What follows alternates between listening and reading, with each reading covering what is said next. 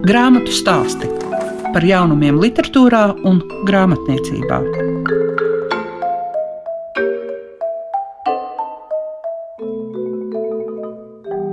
Klāta grāmatu stāstu laiks, un tas nozīmē, ka mēs kopīgi varēsim iepazīt vairākas grāmatas. Un tā būs Jakubas Katalpas vācieši, Maijas Krekles atraitnes dēls, plūdoņa jūtas un ziņas, kā arī Zigmunda Bekmana apkārt pasaulē blusas mugurā. Gan lieliem, gan maziem labu dienu jums saka Liega Piešiņa. Grāmatu stāsti tiem, kam grāmatu lasīšana ir vērtība. Šīs dienas raidījumā es vēlējos uzrunāt Jāni Krastiņu. Viņa grāmata Jakubas Katalpas vācieši ir nozīmīgs darbs no vairākiem aspektiem. Jāņa Krastiņa veikums tika pamanīts, un šī grāmata bija arī Latvijas literatūras gada balvas tulkoto nominēto grāmatu skaitā. Laikam jau ir tā, ka latvieši diezgan maz zina par sudatīvu. Vai tā tas ir? Es domāju, ka diezgan maz, jā. Jo redziet, arī pašā Čehoslovākijā sudēt jautājums visus komunistu gadus un arī vēl kādus 10, 15 gadus pēc samta revolūcijas bija diezgan sarežģīts un maz, maz aprakstīts jautājums, bet vienā brīdī pabira visas vāciešu deportācijas un viss sudēt un viss, kas ar to bija saistīts. Un tas būtībā līdz šim brīdim ir diezgan tāds aktuāls jautājums. Nu, it sevišķi šobrīd, šobrīd jau nu, tās vēsturiskās paralēles ir par 95%. Nu, varbūt mazāk, es nezinu, tāpēc, ka vāciešu vietā tagad ir Krievi un Čehu vietā ir Ukraiņi. Nu, atšķirība vienīgi ir tāda, ka atšķirībā no Čehiem, Ukrāņiem spīvi pretojas ar labiem panākumiem. Un man liekas, ka te jau arī tajā grāmatā parādās par to, ka laikam nedrīkst samierināties. Tomēr, lai mē, kā mēs runājam par politiku korektumu vai vēl visādām tādām nogludinošām lietām, to laikam nedrīkst darīt. Nu, jā, nu, ir lietas jāsauc īstajos vārdos, atklāti sakot. Ja tas ir uzbrukums, tad tas ir uzbrukums nevis kaut kāda operācija. Spēcoperācija.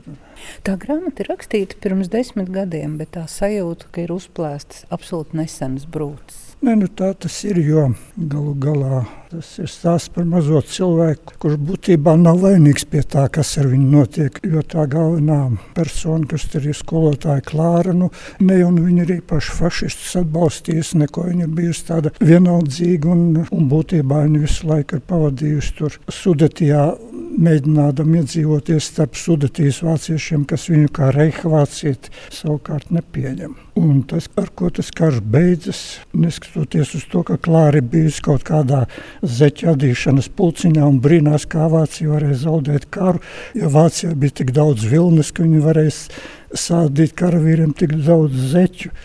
Nu, tad beigās viņa nonāk tādā stāvoklī, ka viņa karājas gaisā. Jo viņa redz, nav no tiem sudetīs vāciešiem, kurus viss izsūta ārā. Viņa tur paliek būtībā viena. Tad viņai ir tur visādas problēmas, kā tikt atpakaļ uz Vāciju. Kā ir ar šīm kolektīvajām vēsturiskajām kļūdām? Ir vajadzīgs ļoti ilgs laiks, lai varētu saka, gan pie šī jautājuma atgriezties, gan tam vispār pievērsties, gan to izvērtēt un saprast, kuram tad ir taisnība. Nu, jā, nu, tā tas ir. Un, un, diemžēl ir jāpiet ļoti lielam laikam, lai to izvērtētu. Nu, Vācieši to izvērtēja samērā agri, jo tad, kad viņi redzēja Berlīnu visas Vācijas pilsētas durpās, tad viņi atjēdzās, ka ir bijuši stulbi skriedam pakaļ Hitleram. Nu, kas tad tagad notiek? Krievi attieksies, tad, kad Kremlis būs sapumbardēts vai kas notiks? Nu, vācieši atjēdzās, bet vai Krievi spēs attiekties, es nezinu. Nu, mums jau gribētu? Nu, mums gribētos gan jā, jo dzīvot pie tāda kaimiņa ir sarežģīti. Ņemot vērā, kas šobrīd notiek, tad visas iespējas ir iespējamas, diemžēl. Prāts jau to negrib aptvert, bet zemapziņā tas kaut kur grozās. Grāmata ir emocionāla, bet grāmata arī ļoti rosina uz kritisko domāšanu. Nu, var jau būt. Neuzdodiet man gudrus jautājumus. Es neesmu literārs. Ne, kā tas ir jums? Tas nu nebija no literatūras zinātnieku operas. nu, jā, es nezinu. Es kā tulkotājs īpaši pievēršos kritiskai domāšanai. Kas jums bija sarežģītākais tulkojot? Sarežģītākais bija tieši šausmīgi daudzie vācu cilvēku vārdu, tur kaut kāda ebreju vārdu, tur šatskeli un kaut kādi tādi. Viņi visi ir oriģinālā, man tas jāpārvērš latviešu.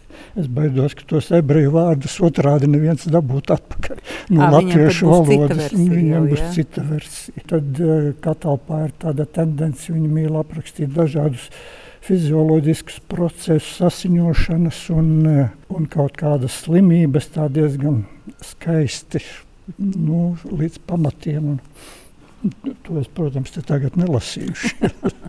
Bet, kā jums liekas, vai tas bija ļoti apzināti, ka ir tā tāds detektīva elements tam romānam? Nu, es domāju, ka jā, lai gan Katalpa nav nekāda pieredzējusi rakstniece, jo šis romāns ir viņas laikam kāds trešais, kas guva tādu īpaši lielu atzinību. Un tagad ir iznācis vēl viens, kas vispār ir gandrīz vai tas būtībā ir par holokaustu, bet tas ir tāds love story, varētu teikt. Nu jā, uz grāmatas vāk arī tā uzrakstīts, ka brīžam pat var iedomāties, ka tas tā kā vīriešu kārtas pārstāvis. Nu, Jakub Katalpa vispār ir pseidonīms, un Katalpa starp citus apskatījos ir Kastaņas paveids. Īstais vārds viņā ir Terēza Jandova. Bet viņi sāk ar stāstiem. Ja? Ja viņi sāk ar stāstījumu, jā, tāds, normāls stāstījums, kas pēc tam, kad tā, tā ģimenes pārstāv tā mazmeita, kas sāk meklēt savu vecmāmiņu, ir to vecmāmiņu atradusi, tad šis tas tur noskaidrojas, un tad sākas tā vecmāmiņas dzīves apraksts. Tas jau ir pavisam citādākā stilā rakstīts. Kā mēs varētu pateikt, kurai auditorijai šī grāmata ir vispiemērotākā? Nu, tādai, kas interesējas par vēsturi, es domāju, un ar tādiem, kuriem patīk smagi romāni. Grūti pateikt, bet tas nav viegls romāns. Gal, galā, lai gan izskatās, ka tur vietām ir tāda visāda ironija un tam līdzīga, bet tas beig, beigās nav viegls. Viņi vispār par karu tur neko īpaši neraksta, ne par kaut kādām tādām smagām lietām, bet viņi ar kaut kādiem sīkumiem, viņi ar tādiem sīkumiem Detaļām. spēja ar detaļām uztaisīt to sižetu un visu to plašo pavērsienu, kāds, kāds vēsturē tur ir bijis. Un tieši tas jau īstenībā laikam šobrīd ir svarīgi. Tas tā ir. Jā. Grāmatu stāsti programmā Klasika. Mājas Kreklis vēsturiskie romāni uzrunā ļoti daudzus lasītājus, un šodien mēs pievērsīsimies viņas jaunākajai grāmatai, kas nulekā ir iznākusi. Tās nosaukums - Atraitnes dēls, plūdoņa jūtas un dziņas. Uzklausīsim Mājas Kreklis sacīto. Ar Vili Plūdoni ir tā, ka pirms 12 gadiem man kolēģi iedeva Viļu plūdoņu vēstules un laikam arī dienas grāmatu. Un, ko es zināju par plūdu? Nu, tas, ka viņam ir astoņi bērni, bet to, ka viņš bija vienreiz jau precējies, to es arī kā tā kā kaut kur biju no Rēņa atmīdiņa grāmatām izlasījusi. Bet neko tā īpaši jau Vils Plūdons, es teikšu, godīgi nav mans mīļākais autors. Vienīgi tas, ka nu, mēs esam tā kā novadnieki no Bauskas puses cēlušies. Bet eh, tās vēstules un tas stāsts par viņa jaunību. Tas par viņa nelaimīgo mīlestību. Mīlestība tā kā bija laimīga. Viņš jau audzināja sev līgavu, tas ir viņš savu skolnieci 12 gadīgo iecerēja par savu līgavu un tā gaidīja, kamēr tā līgava izaug. Bet, nu, Gaidīja viņš kā jau jauns zēns, diedams, smiedams, dzerdams un apkārt daudzīdamies. Nu, tas vēl tā nekas, tas jaunībai piedodams, bet viņš bija spiests apprecēt arī kādu jaunu meiteni skolotāju, kas pirmo gadu strādāja skolā, kurai bija 19 gadi. Pēc tam, kad bija radies viņa pirmais ārlaulības bērns. Un tā kā cariskās Krievijas laikā skolotāji nedrīkstēja būt ārlaulības bērna vecāki, tad viņiem vajadzēja apprecēties. Viņš to meiteni nemīlēja. Absolūti nē, tā bija puķīte ceļa malā, ko viņš ņēma un noplūca tikai aiz garlaicības, aiz gara laika. Tāpēc, ka viņa viņam bija tā pieķērusies, viņa viņu tā gribēja, nu tad labi, tad viņš ļāvās. Nu, man vienkārši liekas, nu, cik tas tomēr ir drausmīgi. Viņš jūtas tik ļoti nelaimīgs savu kāzu priekšvakarā. Viņam jāpēc tā nemīlētā meitene. Tas bērns brēcais sienas traucē strādāt. Nu, nepatīk viņam ne tas bērns, ne topošās sievas ģimene, viss viņam krīt uz nerviem. Un kā uz priekšakrā viņš raksta vēstules savas iecerētās līgaviņas kur vēl jauniņa, jauniņa ir mātei. Un visas savas bēdas, visas savas izmisuma un visas savas nelaimes viņš izliek tur. Un šī sarakste ar Annu Melbārdu, Elfrīdas topošās sievas māti, tā arī ir bezgala interesanta, aizraujoša, jo mēs redzam, cik dziļas jūtas saistīšos cilvēkus. Vilim viņa aizstāja māti, jo viņš neilgi pēc savas mātes nāves viņš iepazīst Annu Melbārdu un viņas ģimeni. Un šajā ģimenē tiek uzņemts kā dēls. Viņš jūtas kā dēls. Tāpēc viņš arī grib to mazo meiteni sev par sievu, jo viņš mīl šo ģimeni. Līdz ar to viņš domā, ka viņš būs laimīgs. Viņš iegūs šeit ģimeni un arī būs jauka sieva, ko viņam uzaudzinās šī meitenes māte, kas ir brīnišķīgi inteliģenta latviešu sieviete. Lai gan, protams, viņa bija vienkārši, nu, neteiksim, vienkārši zemniece. Viņa bija saimniece virgabaļos, liezers virgabaļos. Viņa ļoti daudz cieta plūdoņa dēļ. Viņa mīlēja, viņa par viņu rūpējās, viņa gādāja par viņu. Un šķiet, ka tas nav nekāds noslēpums. Man vismaz tā lasot, likās, ka viņi viņu tiešām arī mīlēja ar savas pēdējās, rudens jau apdvestās mīlestības spēku. Viņa audzināja šo savu meitu viņam, bet viņai pašai bija šīs jūtas ļoti dziļas. Tad, kad neviens vairs neticēja plūdonim, tad viņa vienīgā viņu aizstāvēja. Jo visa ģimene, nu kā tā var, viņš solījies Elfrīdai, bet aprec kaut kādu citu, uztais vēl viņai bērnu. Un nepietiek ar to, ka tikai vienu bērnu, arī otrs bērns viņiem piedzimst. Nabaga Aurora Otīlija. Šis stāsts man, sakot, man ļoti ietekmē, un es uzrakstīju jau mājas viesim tāds raksts skolotāja Lēnieka jaunības kļūda. Nu, par to es ļoti dabūju viesojoties grobiņā, toreiz ar lauka avīzi un, mājas viesi.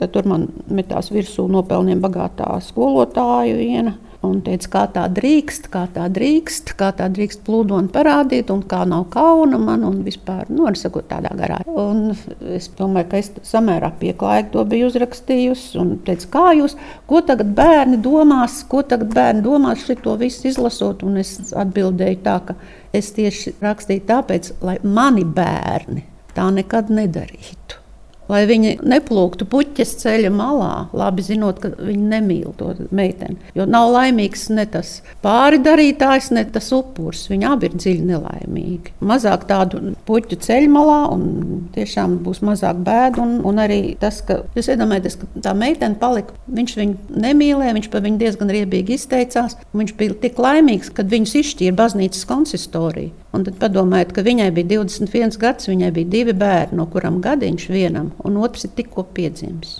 Nu, un laimīgais tēvs aiziet uz Latviešu biedrību, uzsauc visiem dzeramo un aizsūta savai. Viņš viņu arī sauc par māti. Nu, aizsūta Annai Melbārdei tādu lielu, lielu tukšu lapus, kurš rakstīs tikai brīvs izsaukuma zīme. Nu, tad no šīs raksta par kuru es dabūju dzirdēt pārmetumus. Tad es tā drusciņi pārdomāju, vai tā drīkst vai nedrīkst rakstīt. Bet tā tēma man nelika mierā. Man ļoti, ļoti gribējās šo tēmu izvērst. Un izvērst tā, lai es parādītu Annas dzīvi, Annas attieksmi un tās nelaimīgās Sotīlijas, Juliānas, Auroras kučas dzīvi. Grāmatu stāsti tiem, kam grāmatu lasīšana ir vērtība. Jā, Zigmundam Bekmanam, kuram Latvijas mēdījos ir jau pirms kāda brīža iznākusi grāmata apkārt pasaulē, blūzs mugurā, es gribu pajautātu par to starpību starp rakstīšanu un rakstīšanu. Ir viena lieta, tad, ja ir tādas praktiskas ziņas, un tad, ja ir grāmata, kas ir domāta jaunai paudzei. No to rakstīšana ir interesanti. Jā. Nu, pat man bija intervija ar Lauru Gundaru, kurš veido raidījumu Lasām un Pļāpājām. Un es viņam tieši uzdevu jautājumu, kad tu saprati, ka tu gribi būt par rakstnieku. Un tad viņš sacīja, ka, ja skolas gados viņam kāds tādu jautājumu būtu uzdevis, tad uh, viņš būtu atbildējis, ka nevajag tik nežēlīgi ņirgāties par cilvēku. Un joprojām viņš šaubās, vai viņš ir rakstnieks. Jā, viņš raksta tekstus, un viņš daudz ko ir sarakstījis, daudz vairāk nekā es to esmu izdarījis. Bet, ja man vajadzētu apkopot uh, visu, ko es esmu nu, gandrīz 20 gadu laikā uzrakstījis Latvijas avīzē, žurnālam Mājas viesis un, un, un citiem izdevumiem, nu, tad tur pamatīgi žūksnītis sanāktu. Būtu bail iedomāties, tur nu, ne tikai viena vai vairākas, nu, kāds, kāds desmit kopotie raksti sanāktu. Lūk, tur jau ir tā atšķirība. Rakstīšana teksts ir teksts ar kuru ir jāstrādā. Vienalga, vai tas būtu reklāmas teksts, vai tā būtu intervija Jo nu, tie, kas lasa žurnālos skaistas un gludas intervijas, saprot, ka tie cilvēki tik gludi un skaisti nemaz nerunā. Tā kā mēs ar jums šobrīd. Un ka daudz kas tomēr ir jāīsina, jāuzlabo, jāpilnveido, jo tajā brīdī, kad tu runā, tu runā emocionāli. Citreiz varbūt tā emocija nav īsti precīzā. Un rakstot, kas man patīk, tas, tad, kad es apgūstu rakstīšanu datorā, tad man tā likās ļoti lieliski iespēja, ka es uzreiz visu varu izlabot ka man nevajag uz lapiņas neskaitāmas reizes svītrot un visu sasvītrot tā, ka es pats pēc tam nevaru vairs izlasīt. Savukārt dzēju gan es tā nevaru rakstīt. Dzēju to pusi papīrā. Vispirms ir tā pirmā emocija, varbūt viens vai divi pantiņi, kuri tiek vēlāk papildināti un pēc tam noslīpēti. Bet ar rakstīto tekstu, tajā skaitā arī ar pasaku, ir tā, ka nu, es eju soli pa solim. Vispirms ir viena epizode, kuru tu izstrādā, pēc tam tu domā, kas varētu attīstīties tālāk. Un varbūt arī vienmēr vajag kaut ko izpētīt, izzināt, jo es pats visu to nezinu, ko es esmu uzrakstījis. Bet es to noskaidroju, es pats arī izglītojos un, un pārbaudu, kā jau mēs tagad, kā žurnālisti, zinām, ir dažādas ziņas, pretrunīgas, un tad jānoskaidro īstā, pareizā. Un arī tad, kad grāmata bija pie korektora Latvijas medijos, tad arī korektori man atrakstīja vai tad tiešām uz mēnesi nav ūdens, jo es biju uzrakstījis, ka tur nav ūdens. Un tad man nācās mazliet pielabot, jo es tiešām nezinu, varbūt ir bijuši kādi pētījumi, kad iespējams, ka tur ir ūdens. To mēs nevaram apgalvot. Un tā kā tā realitāte jau apkārt mums nepārtraukti attīstās un notiek, un arī rakstnieks. Bieži vien tas ir tikai normāli, ka aizmirst to, ko iepriekš ir uzrakstījis. Vai tad, kad jūs rakstījāt, jums bija konkrēts adresāts, kuram vai kurai jūs to rakstījāt? Nu, protams, tā bija mana meita Sonora, kur arī iemūžināta kā galvenā varone šajā pasakā apkārt pasaulē blusas mugurā. Un iedvesmojos daļai arī no Vika sacītā, kuram bija maza meitiņa, kurai viņš rakstīja pasakas un lasīja priekšā vakaros. Es nodomāju, kāpēc gan es to nevarētu tā darīt, jo nu, bija jau visādas pasakas par trim siventiņiem, par pelnrušķīti, par sarkangalvīti un sniegbaltīti sarakstītas un izlasītas neskaitāmas reizes vakaros priekšā. Bet gribējās kaut ko oriģinālu, un tā es arī sāku rakstīt. Un tad tu esi vienu nodaļu uzrakstījis, tu vakarā izlasi. Bet kas būs rīt? Pa dienu jāuzraksta turpinājums, lai būtu interesanti. Un tā lēnā garā tā pasaka tapa. Protams, viņa bija domāta mazliet garāka. Bet eh, vienā brīdī nu, tā iedvesta drusciņā apsīka. Es parādīju redaktorei, izdevniecības vadītājai, Ievijai Veidai. Viņa tad teica, pagaidi, nu, tas tik daudz neviens nelasīs. Tur jau ir pat daudz, tur ir jāīsina. Un tad es sapratu, ka jāpabeidz, un tad es ātri arī viņu pabeidzu. Kā ir ar tām ilustrācijām? Te šī gadījumā par māksliniekiem ir jārunā kā tādiem, kuriem ir desmit plus. Nu, jā, nu, visi šie ir jaunie topošie mākslinieki, kas mācās Jūrmālas mākslas skolā. Tajā skaitā arī mana meita. Nu, es uzrunāju skolas vadību un teicu, ka ir tāda iespēja, varbūt viņiem būtu interese. Un, protams, Jūrmālā ir daudz talantīgu skolotāju, tā skaitā arī Gundiga muzikanti, kas ir veidojusi daudzas grāmatu ilustrācijas. Nu, teiktu, viena no populārākajām grāmatu ilustrātoriem Latvijā. Un, nu, viņa arī nāca tālāk un vēl pieaicināja citu mākslas skolas grupiņu audzēkņus. Tad kopā tie, kas vēlējās, tie piedalījās šajā projektā. Tā kā nu, viņi saprata to stāstu, tā viņi arī sazīmēja. Un, protams, tur fonu un visas tās krāsas un toņus tos skolotājs piekoriģēja. Vai būs turpinājums? Turpinājums noteikti būs. Turpinājums jau ir iesākts rakstīt. Un es ceru, ja viss būs veiksmīgi, atradīsim arī finansējumu tad varētu būt uz Ziemassvētkiem. Un es ļoti priecātos, ja man izdotos vēlreiz uzdāvināt šīs grāmatas bērniem, tie, kas cīnījās ar Covid pirmajās frontēs, līnijās. Un vēl neesmu gan atsauksmes no viņiem saņēmis, bet visam jau ir savs laiks. Ja, es domāju, turpinājums būs un arī pasaka turpināsies citā pasaulē, bet arī mūsu pašu tikai savādākos apstākļos